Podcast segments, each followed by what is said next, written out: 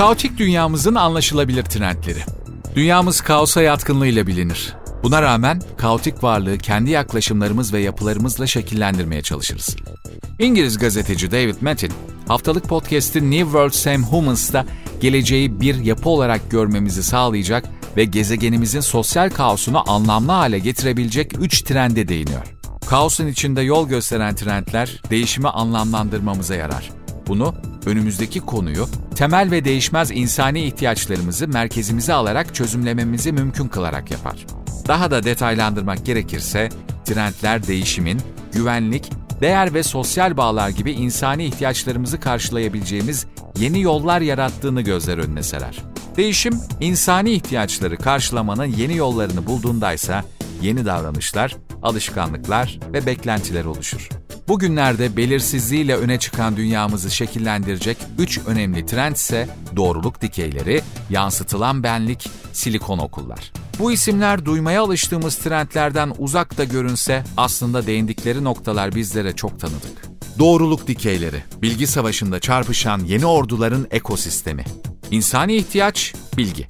Trend, 2020'nin her yönden gelen ve dikkat dağıtan gürültüsünde doğruluğa ve gerçeklere ulaşmanın basit olduğu bir zamanın da var olduğunu kabullenmek zorlaşıyor. Yanlış bilgi, propaganda, yalan haber, sonu gelmeyen bir dizi gibi aklımızı doldurmaya devam ediyor. Ancak bir şeyler gerçekten değişiyor.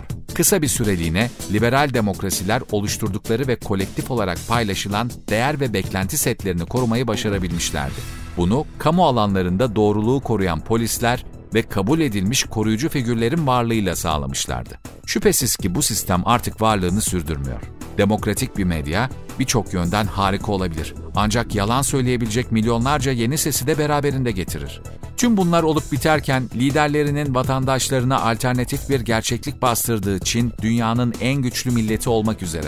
Batı ülkelerindeki gazeteciliğin büyük bir kısmının dengeli, konunun her iki tarafını da yansıtmayı öncelik haline getiren bir yaklaşıma sahip olması nedeniyle gücünü yitirmeye başladığı bu günlerde internet üzerindeki bilgilerin doğruluğunun her daim sorgulanması da gerçeğin net çizgilerinin yitirilmesine neden oluyor. O halde bir sonraki adımımız ne olmalı? Bu yanıtın bir kısmı gerçeklik ve kanıtlarla aksiyon almayı geri getirmek isteyen bir grup insanın defansif bir strateji izlemesiyle ortaya çıkacak. Toplumların yalın ve doğru bilginin bir araya gelmesiyle oluştuğundan emin olduğumuz doğruluk dikeylerinin etrafında oluşmaya başlayacağını öngörebiliriz. Bu toplumlarda insanlar yanlış bilgiye karşı savaşmak ve gerçeği ortaya çıkarmak için yeni yöntemler geliştirmek üzere bir araya gelecek. Bu toplumlar internetin erken öncülerinin hayallerinden ilham alacak. Kurumsal kontrolün sınırlarının dışında durabilen, tam anlamıyla demokratik ve üyelerin tamamına güç tanıyan bir siber alan.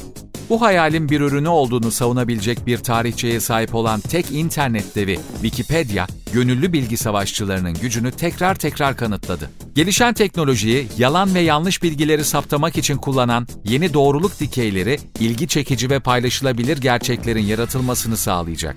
Bu sistemi bir örnek, Birleşmiş Milletler'in geçtiğimiz aylar boyunca koronavirüs etrafında oluşturduğu doğruluk dikeyi.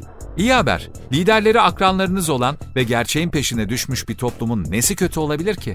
Kötü haber, bu doğruluk dikeylerinin yatırımcıları kim olacak? Belki Wikipedia gibi bağışlarla sürdürülebilir olan modeller yaratılabilir. Peki ya doğruyu söylediklerini kim denetleyecek?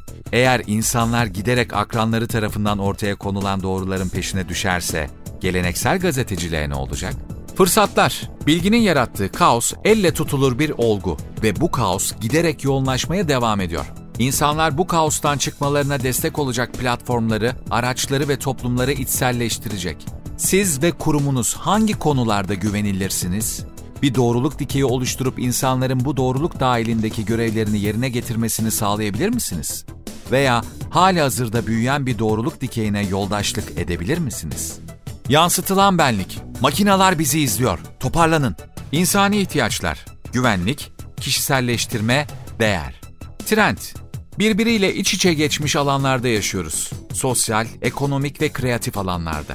Üstelik bu alanların birçoğunun algoritmalar tarafından şekillendirildiğine ikna olmuş haldeyiz. Ancak algoritmalar çağının henüz başlangıcındayız. Algoritmalar toplumlarımıza yeni biçimlerde girmeye, hayatlarımızı etkileyen kararlar vermeye ve içinde var olduğumuz fiziksel çevrelerdeki deneyimlerimizi şekillendirmeye devam edecekler. Bunun önemli sonuçlarından biri, yansıtılan benlik kendimizi makine gözlemcilerimize en iyi ve en gerçekçi halimizde sunmak veya onlardan bütünüyle saklanmak için davranışlarımızı şekillendirmek olarak tanımlanıyor.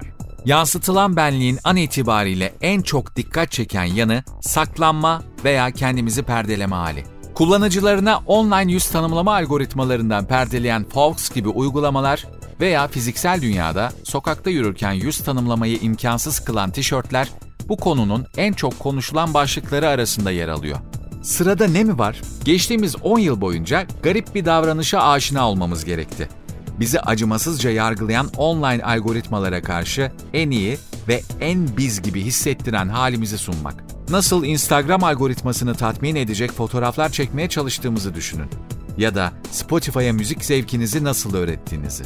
Kendimizi perdeleme çabalarımızın online dünyadan gerçeğine geçtiğini görmeye başladığımız bu günlerde aynı performansı yansıtılan benlikten de beklemek mümkün. Gerçek dünyada yer alan algoritmik hesapların yeni türevlerinin ortaya çıkması bizi kendimizi izlediğini bildiğimiz makinalara en iyi halimizle sunmamız için motive edecek. Amazon'un hizmet merkezlerindeki çalışanlarının davranışlarını gözlemlemek için yapay zeka kullandığını biliyoruz. Arabaların sürücüsünün ruh halini ve dikkat seviyesini ölçüp iç mekanı bu ölçümlere göre değiştireceği de yakın gelecekte hayatımızda norm olacak gelişmelerden sadece biri. Makinalardan etkilenen bir sonraki alan arabanız, iş yeriniz veya sokağın sonundaki bakkal dahi olabilir.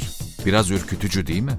Bu trendin mantıklı bir ürünü Çin'de gelişmeye devam eden sosyal kredi sıralama sistemi olarak verilebilir. Bu sistemle yüz tanıma teknolojileri ve yapay zeka tüm vatandaşları güvenilirlik seviyelerini öğrenmek adına ölçümlemeye ve sıralamaya başlayacak. İyi haber. Yeni ve gerçekten harika algoritmik kişiselleştirme teknolojileri çağı başlıyor. Değer yargılarımız daha adil olacak. Çünkü yargılayan birim kusurlu ve taraflı bir insan yerine makinaların ta kendisi. Kötü haber, ne kadar süreniz var? Tüm bu verinin sahibi kim ve onunla ne yapıyor? Mahremiyet ne olacak? Yapay zekalar da taraflı olabilir. Algoritmalara her daim en iyi halimizi sunmaya çalışmak gereğinden fazla yorucu olacaktır. Fırsatlar. Bu trend, kişiselleştirilmiş ve etkileşime dayalı hizmet ve deneyimlere duyulan beklentiyi artıracak. Bu beklentileri yetenekleriniz çerçevesinde değerlendirdiğinizde size düşen bir rol var mı? Yeni kişiselleştirme yöntemleri sunabilir misiniz? Hem de bu yöntemler algoritmalara dayanmak zorunda değil. Silikon okullar, yeni dönemin Ivy League'i Big Tech'ler. İnsani ihtiyaç, kendini iyileştirmek. Trend, Fiyat etiketi ve bilgi fazlalığının da aralarında bulunduğu birçok faktör, geleneksel üniversiteleri yıllardır türlü testlere tabi tutuyor. Salgın bu kıvılcımı alıp bir orman yangınına dönüştürdü desek yanılmış olmayız.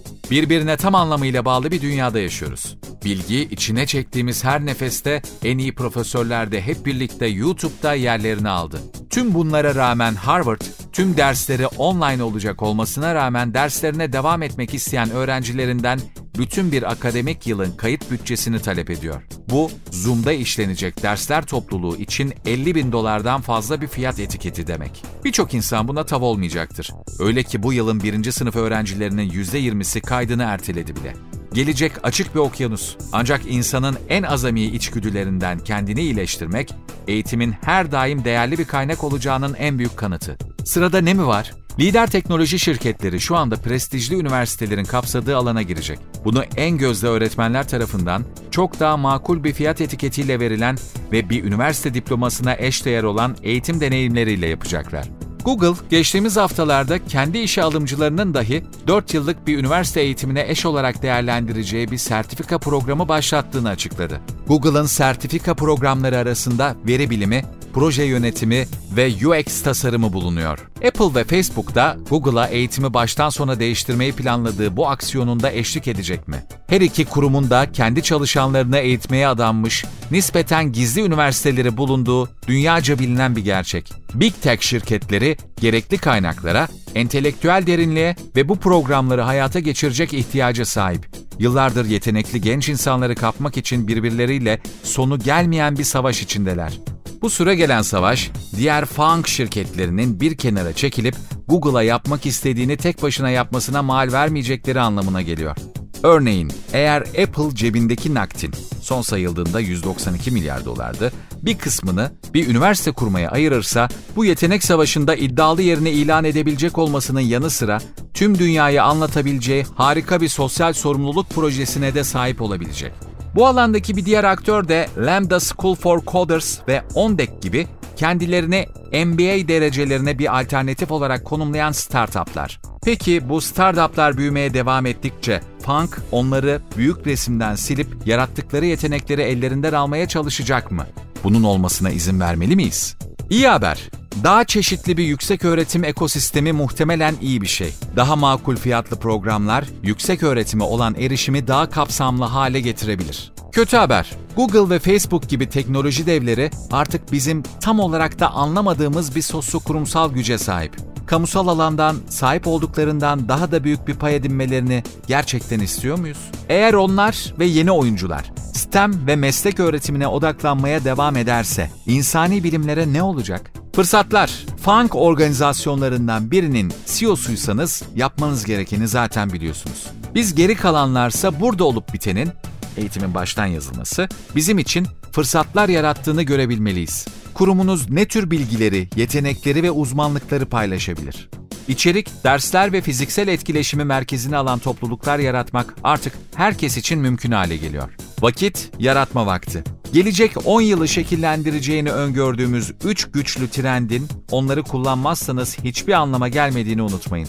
Bu trendleri diğerlerine katma değer yaratacak şekilde nasıl kullanabilirsiniz? Son olarak bu makaleden almanız gereken en önemli şey, trendlerin özünde değişen bir dünya ve basit insani ihtiyaçların yattığıdır. Temel ihtiyaçları karşılayan ve genelde yeni teknolojiler olarak hayat bulan değişimlere bakın.